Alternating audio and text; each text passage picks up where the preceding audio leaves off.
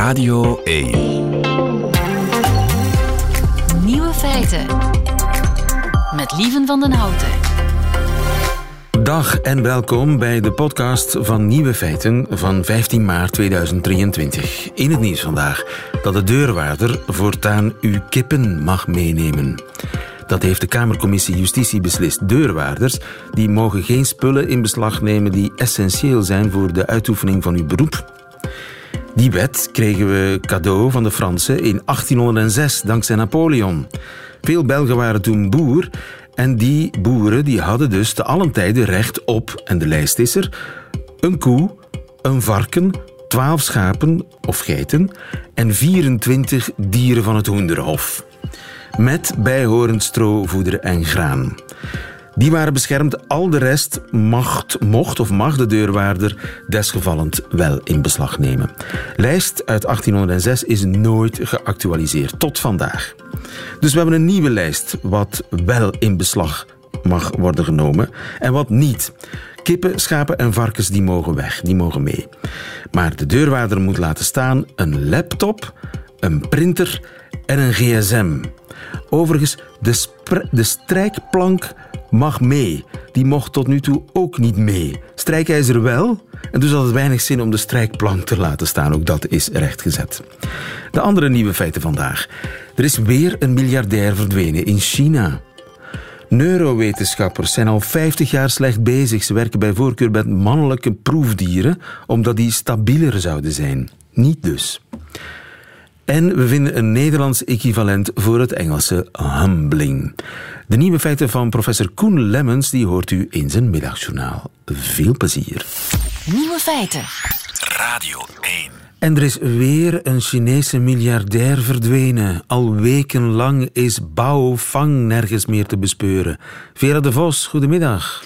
Goedemiddag. Onze China-kenner, weet jij waar Bao Fang is? Nee, ik weet het niet. Uh, niemand weet het. Ook niet uh, de mensen waar hij mee gewerkt heeft. Uh, want hij was de grote baas van China Renaissance Holdings.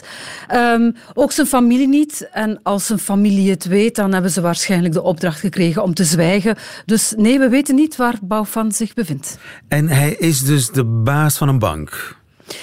Hij is of hij was, of hij was. zal ik maar ja, al want zeggen. jij spreekt al in de verleden tijd. Ja, hè? ja. ja, dat, daar lijkt het toch op. Hij was de baas van de oprichter van China Renaissance Holdings, de allergrootste investeringsbank in China, die vooral um, ja, die alle grote techbedrijven tot klant heeft, die gespecialiseerd was in, het, uh, in fusies hè, van hele grote, bijvoorbeeld de, Chinese, de twee Chinese Ubers bijvoorbeeld, heeft hij uh, doen uh, fuseren, maar ook ja, grote online platformen, um, restaurant, reserveringsapps, dat soort dingen. Ja. Allemaal bedrijven die heel groot zijn in China. Hij heeft eigenlijk al die bedrijven als klant en was een specialist om die te doen fuseren naar nog grotere eenheden. Ja, hij is superrijk. Um, hij is of hij superrijk. was superrijk. Dat moeten we ook al in het verleden zijn misschien. Ja. Ook even afwachten misschien daarmee. Ja. En hoe rijk, even schetsen hoe rijk die man uh, was? Ja, vele miljarden euro's neem ik aan. Hè. Dat gaat echt wel in de tientallen miljarden.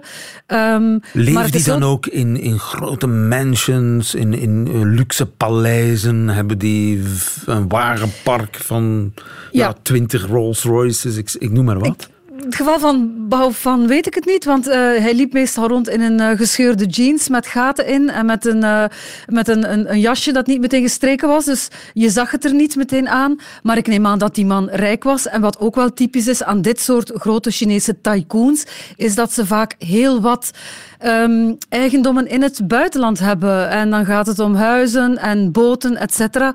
Omdat ze weten dat ze een risico lopen. En zeker sinds Xi Jinping sinds tien, tien jaar geleden president werd, uh, weten ze dat ze in de picture lopen. En dat het, ja, het risico bestaat uh, dat ze het land uit moeten als ze op tijd zijn, als het, uh, ja, de grond te heet onder hun voeten wordt. Ja, want het is al de zesde, als ik goed kan tellen, de zesde superrijke Chinees die plots van het toneel verdwijnt. Ja, het is inderdaad uh, de zesde. Ehm, ik denk dat de bekendste misschien Jack Ma was. Juist, ja. Weet je wel, die man, hè, de grote baas van Alibaba, dat e-commerce platform, die heel graag Michael Jackson imiteerde, bijvoorbeeld op uh, voorstellingen van nieuwe producten. Um, heeft ook nog Elton John gecrooned uh, in allerlei gekke outfits. Nu, ik ik moet er meteen bij zeggen, ik weet zeker dat Xi Jinping het haar op zijn armen daarvan omhoog komt. Hè? Dat hij daar absoluut niet van houdt, van Chinese tycoons die dan westerse idolen gaan nadoen. Dus dat lag al, dat is. Uh, fout. Maar dan heeft hij eigenlijk de fout gemaakt om uh, ergens begin 2020 kritiek te uiten op Xi Jinping. Dus hij heeft toen uh, verteld ja, dat, dat de, de financiële sector niet goed in elkaar zat en dat de Chinese overheid dat allemaal niet goed aanpakte. En uh, ja, kort daarna is hij opgepakt. Ja, ja. Dus als je één ding niet mag, en er is nog een andere tycoon die rond diezelfde tijd verdwenen is, Ren Zhichang is dat, en dat was eigenlijk een van de grootste vastgoedtycoons in China. En die heeft in het begin van de coronapandemie, dus maart 2020, heeft die Xi Jinping een clown genoemd. Um, en dan had hij het over de manier waarop hij de pandemie aanpakte. Ja, die man is natuurlijk zeer snel opgepakt, verdwenen en is terug opgedoken. Er is dan uh, een, een, proces van één dag geweest en nu zit hij voor 18 jaar in de gevangenis op corruptiebeschuldigingen, uh, lieve. Ja. Dus niet omdat hij Xi Jinping een clown heeft genoemd, maar omdat hij blijkbaar ja, allerlei andere dingen deed die niet door de beugel konden. Ja, en die Jack Ma, is die dan eigenlijk veroordeeld? Want die is na een paar maanden weer opgedoken. Ja, dus het scenario is niet altijd hetzelfde. Dus wat er wel gebeurt, is dat die mensen een tijd verdwijnen. Het lijkt alsof ze van de aardbodem verdwenen zijn. In het geval van Baofan uh, heeft zijn bedrijf laten weten, ik denk op 17 februari, hij is weg. Hè. We weten niet waar hij is. Aandelen zijn meteen ook gekelderd van dat bedrijf. En dan een tiental dagen later komt er dan toch plots een mededeling van die China Renaissance Holdings um, dat uh, meneer Baofang uh, ja, dat die onderzocht wordt, dat hij meewerkt aan een onderzoek. Uh, dus um, waar, waar hij is, weten we niet. Welk onderzoek weten we ook niet. Wat wel opvalt als je op de website gaat kijken, is dat hij niet meer als grote baas, dat zijn naam verdwenen is. Dus vandaar ja. dat ik het al had over was. Um, we weten het niet. Meestal duiken die mensen dan terug op in een proceszaal nu, als je in China opduikt in een proceszaal, dan ben je eigenlijk al zo goed als veroordeeld. Bij Jack Ma is dat niet het geval. Um, die man is een tijd verdwenen. Um, die heeft een soort ja, schuld bekend. Zijn bedrijf heeft het ook heel moeilijk gehad, want hij stond op dat moment voor een grote um, beursgang. Hè. Zijn financiële groep, de Ant Group, ging naar de beurs gaan. Dat ging de grootste beursintroductie in jaren worden. Dat is niet doorgegaan, dat is niet kunnen doorgaan, dus dat was al een straf. Hij, is ook, um, hij heeft de controle van die groep moeten afgeven. Hij is het grootste deel van zijn aandelen kwijt. Maar hij is niet veroordeeld. Ja. En onlangs is hij terug opgedoken. Ik denk dat hij voor het eerst terug opdook een jaar geleden in Mallorca, waar hij met zijn jacht, hè, want dat had hij, of dat heeft hij, uh, kwam aanleggen in de haven. En onlangs is hij in Thailand gespot, waar hij blijkbaar uh, tempels aan het bezoeken was. Um, hij heeft ook een hele grote som geld gedoneerd aan een soort, uh, um, ja, een soort fonds. Een soort, uh, ja, hij heeft dus aan, uh, hoe zal ik het zeggen, um, aan een goed doel. Hè, een goed doel van de Chinese overheid heeft hij een enorme som geld geschonken. En het lijkt erop dat hij daarmee zal wegkomen. Ja. Dus hij zal nooit meer ja, die, het aanzien dat hij had. En bijvoorbeeld, Jack Ma was ook lid van het Volkscongres. Hij was lid van de Communistische Partij. was een voorbeeld. Want er was een moment dat al die tycoons ook in het Volkscongres zaten, dat, dat, uh, ja, dat die ook... Uh, ja, ah ja, en dat, dat is niet meer zo. Werd gedaan. Hmm, dat is minder. Die, de, de, het laatste volkscongres waren er heel weinig van dat soort bekende, ultra-rijke mensen te dus, zien. Ik zie houdt niet meer van rijke mensen. Het lijkt alsof hij uh, die mensen liever niet uh, vooraan op de eerste rij in het volkscongres zet. Wat Xi vanaf het begin gedaan heeft, tien jaar geleden, was strijden tegen de corruptie. Waarbij hij, zo zei hij, zowel de vliegen als de tijgers zou aanpakken. En de tijgers zijn dan die hele rijke tycoons uh, in China. Um, dus die mensen hebben minder aanzien. Maar hij is ook, hij strijdt tegen corruptie, maar hij, een van zijn andere grote stokpaardjes is common prosperity. Hij wil eigenlijk dat de welvaart in China beter verdeeld is. Dus hij vindt dat soort extreem rijke mensen, hè, die op, uh, op conferenties uh, zich als uh, Michael Jackson verkleden en dan met een ja, heel ja. orkest, dat vindt hij allemaal, nee, dat is geen goed idee. En die mensen zouden beter een toontje lager zingen. Ja, en dat is precies wat Jack Ma op dit moment doet. Toontje lager zingen, kleinere jacht, veel geld naar goede doelen, weinig bedrijven nog, niet langer de rijkste mens van China. Hebben wij een idee wat die, eh, ja, die huidige, die Baofang, wat die zou hebben kunnen mispeuterd? Nee, dat weten we niet. Dat weten we nog niet. Hij heeft nooit openbaar kritiek gegeven? Uh, Hij heeft, eh, een paar jaar geleden moet hij wel eens iets gezegd hebben over de wetteloosheid van de financiële sector.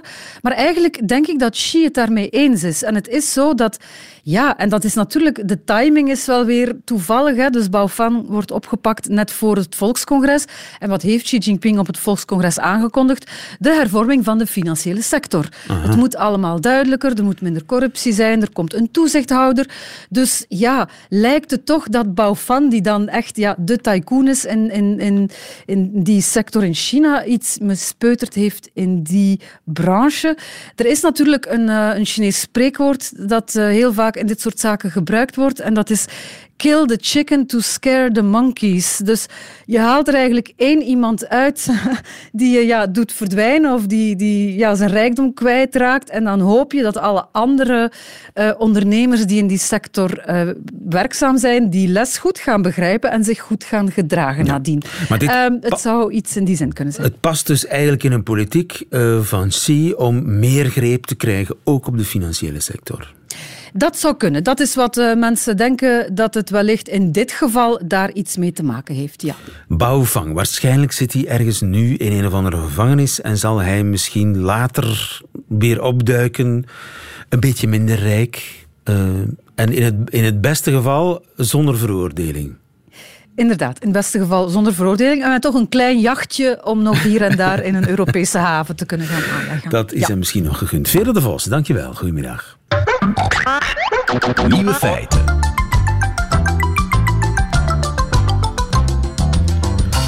Neurowetenschappers zijn eigenlijk al 50 jaar slecht bezig. Ze werken bij voorkeur met mannelijke proefdieren omdat die stabieler zouden zijn, maar het tegendeel is waar. Tom Bekkers, goedemiddag. Goedemiddag, dag lieve. Professor cognitieve psychologie aan de Universiteit van Leuven. Het zijn collega's van jou in Amerika die een hardnekkig misverstand hebben blootgelegd. Wat is dat misverstand eigenlijk? Ja, dat, dat misverstand dat is de mythe van de vrouwelijke wispelturigheid. Het idee dat uh, La Donna Immobile Um, dat blijkt niet helemaal zo te zijn. De vrouwelijke wispelturigheid, met name bij muizen. Hè? Want uh, jullie werken heel graag met muizen. Waarom eigenlijk? Goh, muizen zijn een interessant model voor allerlei dingen, omdat ze enerzijds qua hersenstructuur bijvoorbeeld in een aantal opzichten heel erg lijken op mensen. Ze hebben natuurlijk veel kleinere hersenen, maar in een aantal basale aspecten lijkt het er wel op. En tegelijkertijd uh, heb je over zo'n diermodel veel meer controle, is dat eenvoudiger. Dus dat maakt dat je een aantal dingen eigenlijk zuiverder zou kunnen gaan onderzoeken bij zo'n proefdier dan bij mensen bijvoorbeeld. Het zijn de ideale proefdieren en altijd werd aangenomen dat mannelijke muizen ja, betrouwbaardere resultaten zouden opleveren dan vrouwelijke muizen, omdat die vrouwelijke muizen ja, wispelturig zijn. Heeft dat met hormonen te maken? Wel, dat was het idee inderdaad. Dus um, je ziet inderdaad dat in het uh, biomedische en in het gedragswetenschappelijke dieronderzoek veel meer mannetjesdieren dan vrouwtjesdieren worden gebruikt. Um, vanuit het idee dat die zuiverder zouden zijn, omdat vrouwtjes inderdaad te lijden zouden hebben onder hormonale schommelingen als gevolg van hun cyclus. En die hormonale schommelingen, dat woestslingerende oestrogeen en progesteron, dat dat allerlei impact zou hebben op allerlei biologische en psychologische processen. Wat maakt dat vrouwtjes in hun neurobiologie, in hun gedrag niet constant zouden zijn over de tijd. En ook dat er tussen, tussen vrouwtjes op een en hetzelfde moment meer verschillen zouden optreden dan tussen mannetjesdieren die immers een toonbeeld van hormonale standvastigheid zijn. Dat is het idee. En als er iets is wat dieronderzoekers niet graag willen, dan is het individuele variabiliteit. Want dat maakt het moeilijker om eenduidige conclusies te trekken Juist, uit onderzoek. De onderzoeksresultaten zouden uh, daardoor worden ja, gecontamineerd, eigenlijk uh, mm. besmet door, dat, uh, door die, die vervloekte hormonale cyclus bij vrouwen. Maar ja. eigenlijk blijkt nu, was dat gewoon een simpele vooringenomenheid. Ja, dus die hele premisse dat, dat die cyclusgebonden hormonale fluctuaties zouden leiden tot overmatige variabiliteit bij vrouwtjes, dat klinkt heel erg aannemelijk, maar eigenlijk wordt dat zelden getoetst aan de werkelijkheid. En dat is nu precies wat uh, die groep van onderzoekers uit Boston, onder leiding van Rebecca Shansky en Bob Data, is gaan doen. Ja, en ze hebben die muizen gefilmd. Ze hebben die muizen gefilmd. Wat ze gedaan hebben, ze hebben die eigenlijk twee weken lang, elke dag, uh, een hele groep mannetjes en vrouwtjes, dagelijks gedurende 20 minuten alleen in een begrensde open ruimte gezet, een soort plexiglasbak van een halve meter doorsnede, en hun spontane gedrag gedurende die 20 minuten met camera's geregistreerd. En daar dan vervolgens machine learning algoritmes op losgelaten die dat spontane exploratiegedrag hebben geanalyseerd en opgedeeld in een soort van elementaire bewegingsonderdelen. Een beetje alsof je de individuele lettergrepen uit gesproken taal haalt. Zo haalt die software de elementaire bewegingsgrepen uit het motorische gedrag van de muizen. Door te registreren hoe vaak zo'n muis op de achterste poten gaat staan, rondrest, rondrent, zichzelf wast, etc. Ja, dus stappen, draaien, pauzeren, op achterste poten gaan staan, pijls verzorgen. En, en heeft elke individuele muis een individueel ja, patroon wat dat betreft? Ja, dat blijkt wel zo te zijn. Dus je kan eigenlijk dan voor elke muis en voor elke sessie een profiel maken van het gedragsrepertoire. Dus je kan die muis, herkennen aan haar ja, gedrag, haar gedraai, haar gepauzeer, haar gepijlsverzorgersmethodes. Ja. methodes. Ja, dus als je, als je voor elke sessie, voor elke muis, het gedragspatroon op die manier uh, vastlegt, dan blijkt inderdaad dat die software dan met grote accuraatheid kan gaan bepalen van welk dier de data van een bepaalde sessie afkomstig zijn op basis van de data van eerdere dagen. Juist. Er, er zit dus blijkbaar iets karakteristiek in het bewegingspatroon van elk individueel dier waaraan dat dier te herkennen is. Ja, dat is bij mensen ook zo. Dat is het ware een unieke fingerprint. Mensen hebben ook een, een loopje. Hè? Als je die in de verte ziet lopen, je hebt het gezicht nog niet gezien. Ah, maar dat is die. Ik herken hem aan zijn loopje. Dat is dus bij, bij muizen ook zo. Dat blijkt bij muizen ook zo te zijn. Maar wat bovendien opmerkelijk was, ze hebben tegelijkertijd ook voor die vrouwtjesmuizen het verloop van hun cyclus geregistreerd. Muizen hebben een cyclus van vier à vijf dagen. Dus op die periode van twee weken gaan ze een aantal keer door die hele hormonale cyclus. En het bleek dat het individu dus wel een grote impact heeft op hoe dat bewegingspatroon eruit ziet, maar de, het moment van de cyclus bleek een verwaarloosbaar effect te hebben op het gedragspatroon. Je kan op basis van de data van andere dagen van dieren die in, dezelfde, in hetzelfde moment van de cyclus zitten, kan je eigenlijk niet herkennen of het bewegingspatroon van deze of gene fase van de cyclus afkomstig is. Ah ja. Mensen, mensen dus, dachten, nou, we zullen wel zien als die muis haar regels heeft. Maar kijk, je kunt het niet zien. Nee, je kan dat dus niet zien. Uh, je ziet dus met, een, met andere woorden dat enerzijds het gedrag van die vrouwtjes een grote consistentie heeft over de tijd. Maar je ziet ook dat het amper beïnvloed wordt door de hormonale cyclus. Ja. Maar als we dan overgaan... Eh, hoe zit het bij de mannetjes? Wel, als je daar gaat kijken, dan zie je ook daar een grote individuele stabiliteit. Opnieuw, de computer kan heel accuraat detecteren van welke mannetjesmuis bewegingsdata afkomstig zijn op basis van data van voorgaande dagen. Identificeert weer al die muizen quasi perfect. Maar één keer dat je voor elke sessie dat bewegingsprofiel hebt opgesteld, kan je vervolgens ook gaan kwantificeren hoeveel verschil er nu zit in dat profiel van een specifieke muis van dag tot dag. En ook tussen individuele muizen onderling. En wat blijkt dan? Gemiddeld zijn mannetjes over de tijd heen, ook al zijn ze wel herkenbaar aan hun gedrag over de tijd heen, blijkt wel dat ze dubbel zo variabel zijn over de tijd als vrouwtjes. En onderling verschillen mannetjes ook beduidend meer van elkaar dan vrouwtjes. Ja, dus eigenlijk als je muizen wil gebruiken voor onderzoek, ja, kies je beter voor een vrouw. Voor vrouwtjes. Ja, nu, we moeten erbij zeggen, dit is maar één onderzoek bij één soort muizen die naar één specifieke variabele heeft gekeken, namelijk spontaan exploratiegedrag. Je kan daar niet zomaar uit afleiden dat mannetjes altijd wispelturiger zouden zijn dan vrouwtjes. Maar het omgekeerde kan je dus zeker ook niet meer claimen. Dat vrouwtjes omwille van die hormonale schommelingen per definitie minder stabiel zouden zijn. En er is dus in ieder geval geen goed excuus om alleen maar mannetjes te gebruiken in gedragsneurowetenschappelijk onderzoek of in biomedisch onderzoek bij uitbreiding. En als je toch enkel één van beide geslachten gebruikt in je onderzoek, ja, dan kan je inderdaad misschien beter vrouwtjes in plaats van mannetjes gebruiken. Ja, toch gek hè, we zijn uh, eh, 15 maart 2023 vandaag en nu pas komen we tot het besef dat we eigenlijk een vooroordeel hebben gehad al die decennia. Ja, nu, je moet erbij zeggen, lieve, uh, heel onze geneeskunde en, en bij uitbreiding de hele biomedische wetenschap is een beetje misogyn. In die zin dat er historisch altijd veel meer is geïnvesteerd in het in kaart brengen van de mannelijke biologie, de mannelijke fysiologie, de mannelijke anatomie, de hersenwerking van mannen en dies meer. Vanuit een haast bijbelse bias die de man tot de maat van alle dingen maakt en de vrouw slechts diens afgeleide. En, ja, en dat werkt door op allerlei vlakken. Dat zie je ook in onze kennis bijvoorbeeld over de symptomen en de optimale behandeling voor hartfalen bij vrouwen. Ja. Eh, dat is niet noodzakelijk hetzelfde als bij mannen, maar daar zijn we lange tijd wel gewoon van uitgegaan. En nu pas komen we ervan achter. Ja, dat, komen dat erachter dat, dat de man niet het standaardmodel is. Inderdaad, ja. En, en dat werkt door. En je ziet tot op de dag van vandaag dat Um, er is net een, een, studie verschenen in de Journal of the American Medical Association deze maand, die uitwees dat vrouwen nog altijd een beduidend hogere kans hebben om te overlijden of complicaties te hebben na een bypassoperatie dan mannen bijvoorbeeld. En dat heeft veel met die bias te maken. Schaamrood op onze wangen, Tom Bekkers. Inderdaad. Tom, dankjewel. Goedemiddag. Graag gedaan. Dag, lieven. Het ontbreekwoord. Rick de Leeuw gaat op zoek naar woorden die in onze taal helaas nog niet bestaan. Zometeen maakt u de geboorte mee van een nieuw woord. Dat gebeurt elke week op woensdag in Nieuwe Feiten. Met dank aan de hoofdredacteur van Vandalen, Ruud Hendricks. Goedemiddag, Ruud. Dag, lieve. Met dank ook aan uh, Rick de Leeuw, de beschermheer van het ontbreekwoord. Goedemiddag, Rick. Goedemiddag. En vooral met dank aan u, luisteraar, voor uw vele suggesties. Want eh, de lijst, het is echt het woordenboek van de woorden die nog maar pas bestaan. en dat, dat, boek wordt alsmaar dikker, hè? En gaan we dat ooit uitgeven? Ik, eh, ik hoop het. Ah. Daar moet toch ooit een, een, een boekje van komen? Ja. Want laat ik ze even uh, voor, voor, de, voor de sport. Nesties, wat zijn nesties, weet je het nog? Ja, ja, ja, je broers en zussen.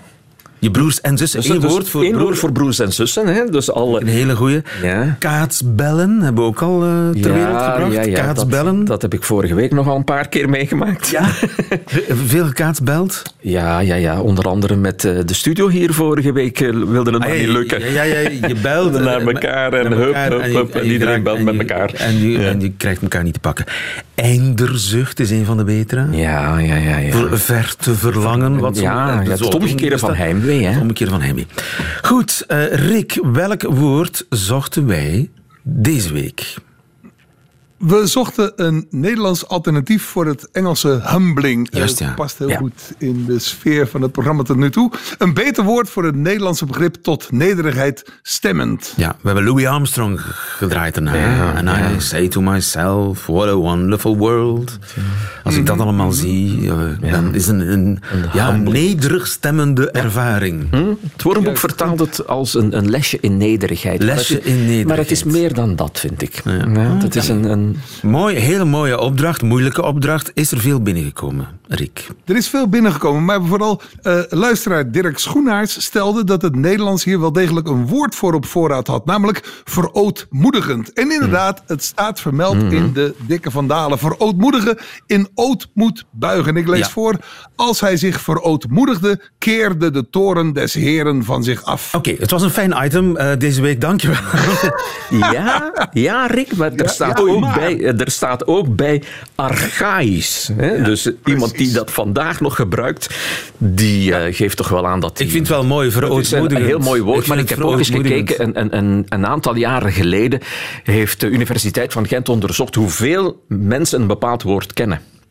En dat met ootmoed en deemoed dat valt niet goed is, mee. Uh, maar alleen, alleen 50, Torfs, hè? Alleen 50 à 60 procent eh, van, de, van de Vlamingen en de Nederlanders kenden nog ootmoed en deemoed. Dus het werd wel tijd dat we iets anders hadden. Het werd tijd, ja. Oké, okay, dus, dus we gaan toch door. Ootmoedig ootmoedig buigen wij het hoofd voor Dirk Schoenhuis. Maar we gaan toch door, want het schitterende, maar inderdaad wat in onbruik geraakte, geraakte verootmoedigend, is niet precies wat we zoeken als alternatief. Wat ons betreft mag het woord bovendien ook een soort louterend element van nieuw inzicht in zich herbergen. Ja. Mm Oké, goed zo. Uh, moderniseren van de taal, het mag. Uh, dat gezegd hebbende, een top 7. Juist. Sophie Feitons komt met herkaderend. Ja. Herkaderend. Ik vind het een beetje ambtenare. Ja, en, en, en ik vind het ook een beetje... We zijn kritisch, hè, Sophie? Sorry, hè? Uh, ik, ik snap waar het vandaan komt. Je, je, je, ineens wordt je kader anders. Maar dat is heel mm vaak, vaag. Het is niet dat het kader is dat jij je ineens heel klein voelt. Dus het is niet precies genoeg. Het is een te ruim woord. Dus ook als ik iets anders zeg, dan is het ook herkaderd. Ik vind dat drunt. Beetje raar. Herkaderend. Ja. ja, vandaar ja. stoffig. We zijn kritisch op vele niveaus. stoffig, sorry. Ja. Goed, Sophie. Dankjewel, uh, Seppe, Seppe, Seppe van Gils komt met grondvoetend. Aha. Grondvoetend, vind ik wel mooi. Ja, het idee is goed. Maar ik... Het zet je met beide voeten op de grond. Het zet je met beide voeten op de grond, maar zou je dan niet eerder spontaan zetten voetgrondend? Aha. Waarom is voetgrondend beter dan ja, grondvoetend? Ja, ik snap hem. Ik snap hem. Ik omdat snap het, omdat het grondvoetend, dan is het werkwoord voeten. Oké. Terwijl als je zegt voetgrondend. voetgrondend, dan is het je zet je voet op de grond. Dus ik hou het, ik, het, hou het, ik hou het in de running. Oké, maar, maar, als het wint, maken we er voetgrondend van. ja. Grondend. Heerlijk, heerlijk, Ook moeilijk. Ligt moeilijk in de bek, vind ik. Ja, ja, ja. Ja, maar dat, dat, dat geeft aarding. Ik, ik snap precies wat je bedoelt, Ja. Seppe van Geels, dankjewel. Guido de Vos komt met overschrompelend. Ja, dat vind ik mooi. Overschrompelend. Ja, je bent overdonderd. En tegelijkertijd word je daar klein van. Het schrompelen zit erin. Overschrompelend. het is zo. Het, is, het, is, een doordenkertje. Ik vind het mooi, inderdaad. Je hebt gelijk, overschrompelend. En, en vooral, het lijkt alsof het al altijd bestaan, bestaan heeft. Ja, het omdat het in een ik, ik zeg het vaak in, hè, in deze rubriek, omdat het lijkt op iets. Hè, en dus het past in een lijstje. En, overschrompelend. Guido, je bent in de running. Je zit in de top drie al in elk geval. Goed. En het overstijgt inderdaad de woordspeling waar eh, Ruud zo bang voor is. Meestal. Overschrompelend, schitterend. Emanuel Verheiden komt met de-egoserend. Oeh, um, ja, maar daar ontbreekt volgens mij een i'tje in. De-egoïserend. De, dat wordt nog ingewikkelder. Nog moeilijker. De-egoïserend. Daar heb ik echt niet te lang voor doorgeleerd om, dat, om, dat, te gebruiken. Nee, laten we zeggen dat dat een wetenschappelijke term is. Juist. De-egoïserend. Nee, dat, dat krijg ik er niet uit. Nee, oké. Nee. Okay, Chris Verduikt komt met. Sorry, Chris Verduikt komt met wonderdanig. Ook mooi. Ook mooi. Wonderdanig, omdat dat wonder zit erin. Het wonder zit erin, eh, maar is wat er gebeurd is het een wonder dan? Zo, zo interpreteer jij het. Hè? Dus dat, wat, er, wat er gebeurt is eigenlijk zo wonderlijk dat jij er onderdaan Ja, ja stel nu, stel nu, ik heb een gigantisch succes met een, met een, uh, als popmuzikant. Hè? Ja. Je kun je niet voorstellen natuurlijk, maar ik ben een wereldsucces. Vooral niet. Er zijn mensen in ons midden die zich dat wel kunnen voorstellen. Maar... En een journalist vraagt... Ik zwijg. Ik zwijg hoe, hoe, hoe voelt dat? En dan, ik, ik, ben, ik word daar wonderdanig van. Ik ben, om, omdat je jezelf eigenlijk een beetje uh, uitschakelt, de-egoïserend, als het ware. Ja, ja, ja, en je, je, het, het wonder maakt je onderdanig. En I say to myself, what a wonderful world. world. Wonderdanig. Ik vind hem heel mooi. Oké, ik neem hem ook mee in de beoordeling straks. Een warm pleidooi daarvoor. Uh, Kees Schouw komt met plaatslerend. Plaatslerend. Ja. Plaatsslagerij, denk ik. Plaatsla plaatslerend? Nee, plaatslerend. Het leert je je plek in het universum. Zo ja, maar dat vind ik dan weer een beetje negatief. Ja, ja. ja dat, dat, daar ben ik het mee eens. Dus dat wonderlijke van van humbling ook. Dat is dat wow. Hè? En, hier ben ik toch maar een klein deeltje van de hele kosmos. Van dat, dat is zo van, dit is meer van Dat is humbling. Hè? Uh, voilà. En plaats is, ja. lerend is, is meer gewoon het klassieke vernederen. Vernederen, Juist. Goed, en dan hebben we er nog eentje als ik goed kan tellen. Ja, maar plaatslerend heeft ook weer lichtelijk last van dat moraliserende wat dat ootmoedige ook heeft. En ik denk dat, ja. Ja. andere woorden dat niet hebben.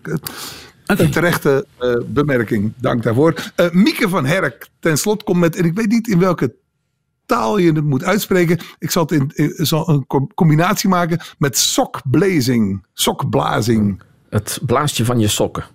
Ja. Sokblazing, denk ik, hè? Sokblazing. Sokgeblaast. Uh, gesok, Sok, ja? Gesokblaast. Sokblazing. Ja, blazing heeft ook wel iets, hè? Blazing. Ja, maar ja, wat, blazing, wat betekent blazing in het Engels? wat betekent blazing in het Engels? Heeft iemand daar een idee van? Blazing Saddles is toch geen Ah ja, Blazing Saddles, inderdaad. Ja. Dat, is, dat is in vuur en vlam. Dan word je uit je zadel geblazen. Ja, ja. ah, dit is toch wel moeilijk, hè? Sokblazing. Sokblazing. Ja, ik, ik, vind het een leuke vondst. Maar of het, of het de kans of dat de tand destijds doorstaat. Daar, en dat moeten we hier beoordelen. Hè? Kan ja, de tand destijds We gaan voor de eeuwigheid. We gaan voor de eeuwigheid, oké. Wat mij betreft gaat het tussen wonderdanig en overschrompelend. Ja, en nu moet ik weer de knoop doorhakken, hè? Aha. Of gaan we nog eens de truc met z'n drieën doen? Dat we met Oh, z'n drieën tegelijkertijd... Ja, dat kunnen we ook doen. Ben je het eens dat, dat, het, dat het daar tussen, tussen die twee gaat, Rick? Daar ben je het eens? Ja, ja, absoluut. absoluut. Oké, dus ik tel tot drie en, en dan zeggen we tegelijkertijd onze, onze, ja, Ja. Wat, wat, wat, onze lieveling, ja. onze voorkeur. Drie, twee, één. Wonderdanig. Wonderdanig. Oké. Het triumviraat heeft beslist. Jij, jij zou overschrompelend Maar het- kiezen. het- twee mensen hebben gekozen voor wonderdanig. Maar Daar het wordt toch wonderdanig? ootmoedig bij neer. Eh, Dat is een verootmoedigende ervaring. Ja. eh, Maar je bent wel wonderdanig, mag ik hopen. Ja, ja, ja. We hebben hem. Wonderdanig, Chris Verduikt, gefeliciteerd. Het eh, ontbreekwoord deze week is wonderdanig als eh, Nederlands equivalent voor het Engelse humbling. Rick, een nieuwe opdracht graag. Heel graag, heel graag. Eh, je begon deze uitzending met Bach. Die is overigens 65 geworden. In de 18e eeuw was dat een redelijke leeftijd. Maar Jimi Hendrix, Brian Jones, Janis Joplin, Jim Morrison, Kurt Cobain, Amy Winehouse. Allemaal leden van de befaamde Club van 27. Een indrukwekkende lijst van artiesten die nooit ouder zijn geworden dan 27 jaar. En bedenk eens, hoeveel fraaie muziek wij nooit zullen kunnen horen vanwege hun voortijdig overlijden. En bij uitbreiding natuurlijk van al die andere duizenden artiesten die veel te jong gestorven zijn. Mozart, Schubert, Prins, de lijst is schier eindeloos. En eigenlijk zou er een woord moeten bestaan voor de muziek die nooit meer geschreven zal gaan worden vanwege de te vroege dood van de artiest in kwestie.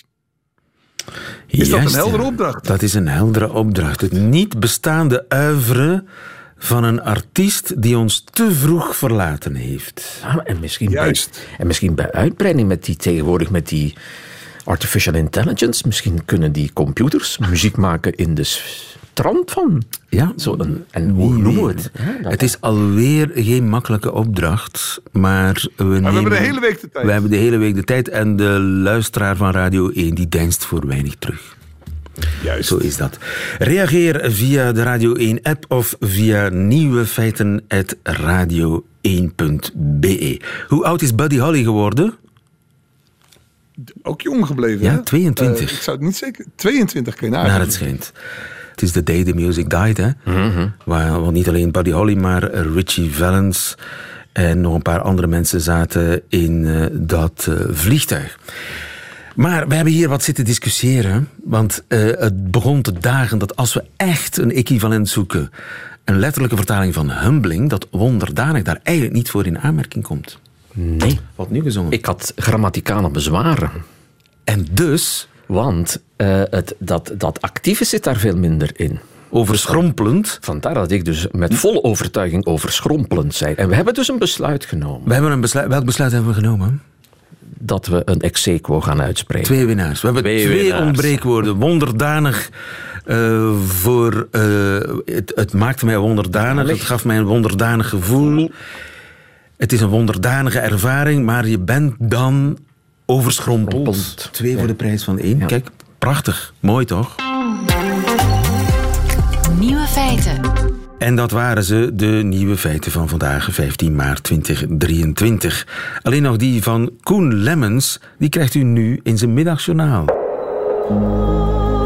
Nieuwe feiten. Middagjournaal.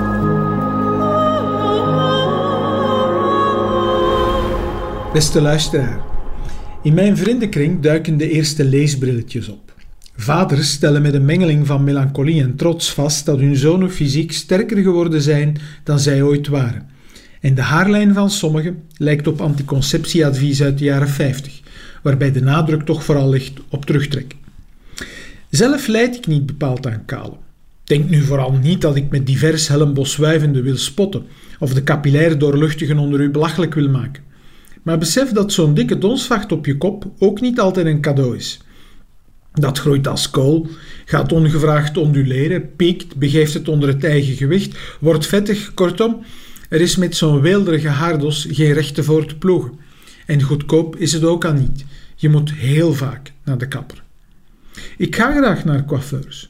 Kapsalon Patrick, waar de uitslagen van baanbreker Stemelo besproken werden. Hairstudio Sandy. Lino, op de Piazza Mino in Fiesole, die het halve plein bij de kniebeurt betrok. Het New Age salon met de veganistische shampoo. De anonieme ketenzaak met de lijpe dreunmuziek op de achtergrond. Of het Portugese familiezaakje in Luxemburgstad. Want je kan toch niet als een Beatle gaan pleiten bij het Hof van Justitie? Maakt mij allemaal niet uit. Ik hou ervan. Ook al omdat je bij de kapper tot verrassende inzichten komt. Laatst merkte ik op dat mijn haar in de vakantie toch wat meegaander leek. Wat de kapster spontaan de bedenking ontlokte. Verbaast u dat? En ze voegde er meteen aan toe. Weet u wat het probleem is met mensen zoals u? Ik dacht, lap, daar heb je het. Drank, vrouwen, peer reviewer number two. Maar nee, niks van dat. Jullie vergeten dat mensen in de eerste plaats dieren zijn.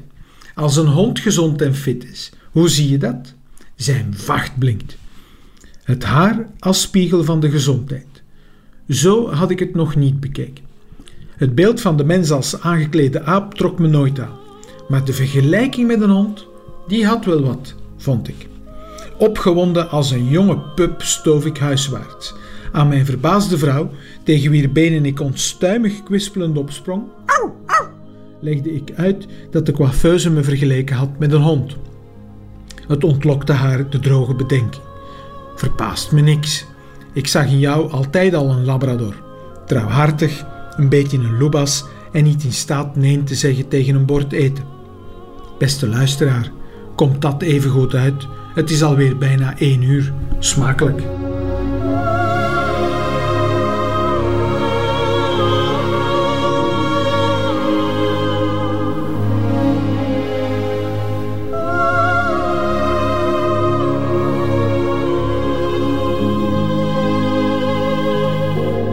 Het middagjournaal van en met Koen Lemmens. Einde van deze podcast. Hoort u liever de volledige nieuwe feiten met de muziek erbij? Dat kan natuurlijk elke werkdag tussen 12 en 1 op Radio 1 of on demand via de Radio 1 app of website. Tot een volgende keer.